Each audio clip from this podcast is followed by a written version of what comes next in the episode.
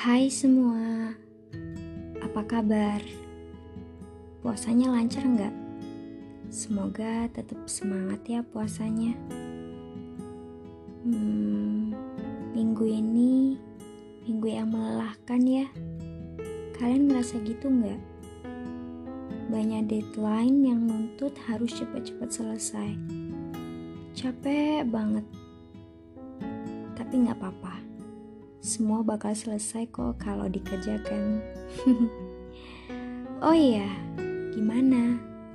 Ada cerita apa hari ini? Semoga ceritamu membahagiakan ya. Um, ngomong-ngomong soal cerita, kalian pernah bosan gak sih untuk menceritakan satu cerita kepada orang lain yang ternyata mereka gak memberikan respon baik sesuai apa yang kita inginkan? Memang wajar sih, tidak semua cerita yang kita ceritakan ke orang lain bisa diterima baik oleh mereka. Bahkan, terkadang mereka pun juga merasa bosan dengan segala cerita kita. Aku termasuk orang yang mencoba untuk menjadi pendengar yang baik untuk orang-orang yang bercerita kepadaku. Bukan karena aku bisa dengan mudah memahami apa yang orang lain rasakan, bukan itu bukan juga karena orang-orang senang bercerita kepadaku. Itu semua lebih karena mereka tak pernah mendengar apa yang aku bicarakan. Terkadang, memilih menjadi seorang pendengar itu sangat mengecewakan. Iya nggak sih?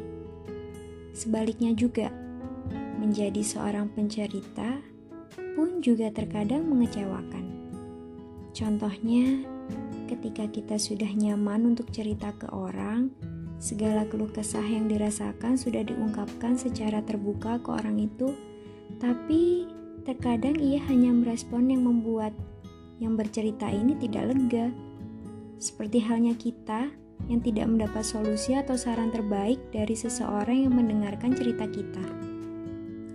Dan terkadang itu membuat orang yang awalnya suka bercerita menjadi tidak ingin menceritakan ceritanya lagi, atau orang itu juga trauma karena pernah mendapatkan respon yang tidak baik atau tidak melegakan dari seseorang yang ia ceritai.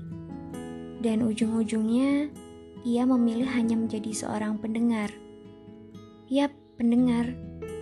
Kalian pernah nggak sih kalian berada di posisi hanya menjadi seorang pendengar?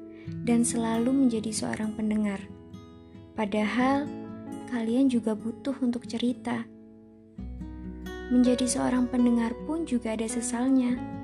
Seandainya kita menjadi seorang pendengar, kita dituntut untuk mencoba menerka apa yang orang lain bicarakan atau yang orang ceritakan. Kemudian mencoba untuk menyusunnya kembali dengan rapi di pikiran kita. Dan mengulang setiap perkataan yang menurut kita baik, dan membuang jauh hal yang mengotori pikiran kita. Namun, ternyata tidak semudah itu menjadi pendengar. Kadang, lelah juga sih berusaha memahami semua orang. Butuh tenaga dan juga butuh waktu. Ya enggak? Sejatinya, enggak semua orang mampu memahami orang lain. Tapi, kalau kamu punya kemampuan seperti itu, kamu harusnya bangga terhadap kamu sendiri. Tetapi, namanya manusia juga manusia. Kita nggak bisa selamanya berperan menjadi yang selalu paham. Pernah terbesit dalam satu pertanyaan, jika aku bercerita, apakah semua orang mau mendengarkan ceritaku? Coba bayangi sebentar. Pernah nggak kalian di posisi di mana kalian sedang bercerita tentang beberapa hal, dan pada titik tertentu mereka yang mendengarkan malah memotong ceritamu dengan cerita serupa yang pernah mereka alami, seperti "Oh iya, aku juga pernah loh di posisi yang kayak kamu ceritain." Dan itu akan berlanjut memaksa kalian untuk duduk di posisi pendengar saat kalian sebenarnya justru butuh untuk didengar. Memang masalah atau cerita bukan untuk dilombakan, mana yang paling menyedihkan dan mana yang paling parah. Bahkan kita tidak pernah tahu seberapa dalam masalah orang lain dan seberapa besar dia menahan untuk tidak menyakiti hati kita. Kadang juga merasa takut ketika satu waktu kita sudah sangat ingin bercerita untuk mengutarakan apa yang kita rasakan, tapi hanya lirikan yang didapat. Ketika juga kita mencoba untuk menyampaikan apa yang kita pikirkan, tapi malah cibiran yang diberikan. Dan takut juga ketika beberapa orang yang menganggap jika kita ingin bercerita, sama halnya kita membawa beban untuk mereka yang akan mendengarkan. Hah, emang serumit itu sih. Ada situasi dalam hidup kita ketika sesuatu perlu disuarakan, ketika pendapat dan perasaan kita butuh pengakuan, dan satu-satunya suaka adalah telinga kita yang peka. Semua orang butuh untuk didengar, bahkan pendengar pun juga butuh untuk didengar.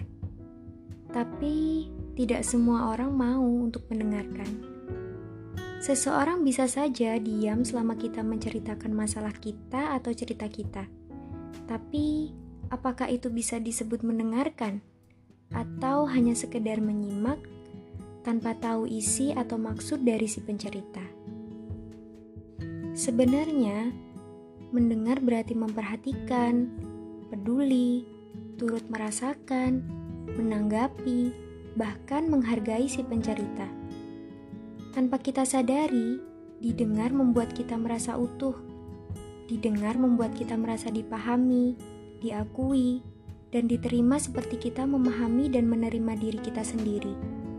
Sebaliknya pun, tidak didengar membuat kita merasa tak dipahami, kecewa, merasa tertolak, dan berujung pada rasa sepi.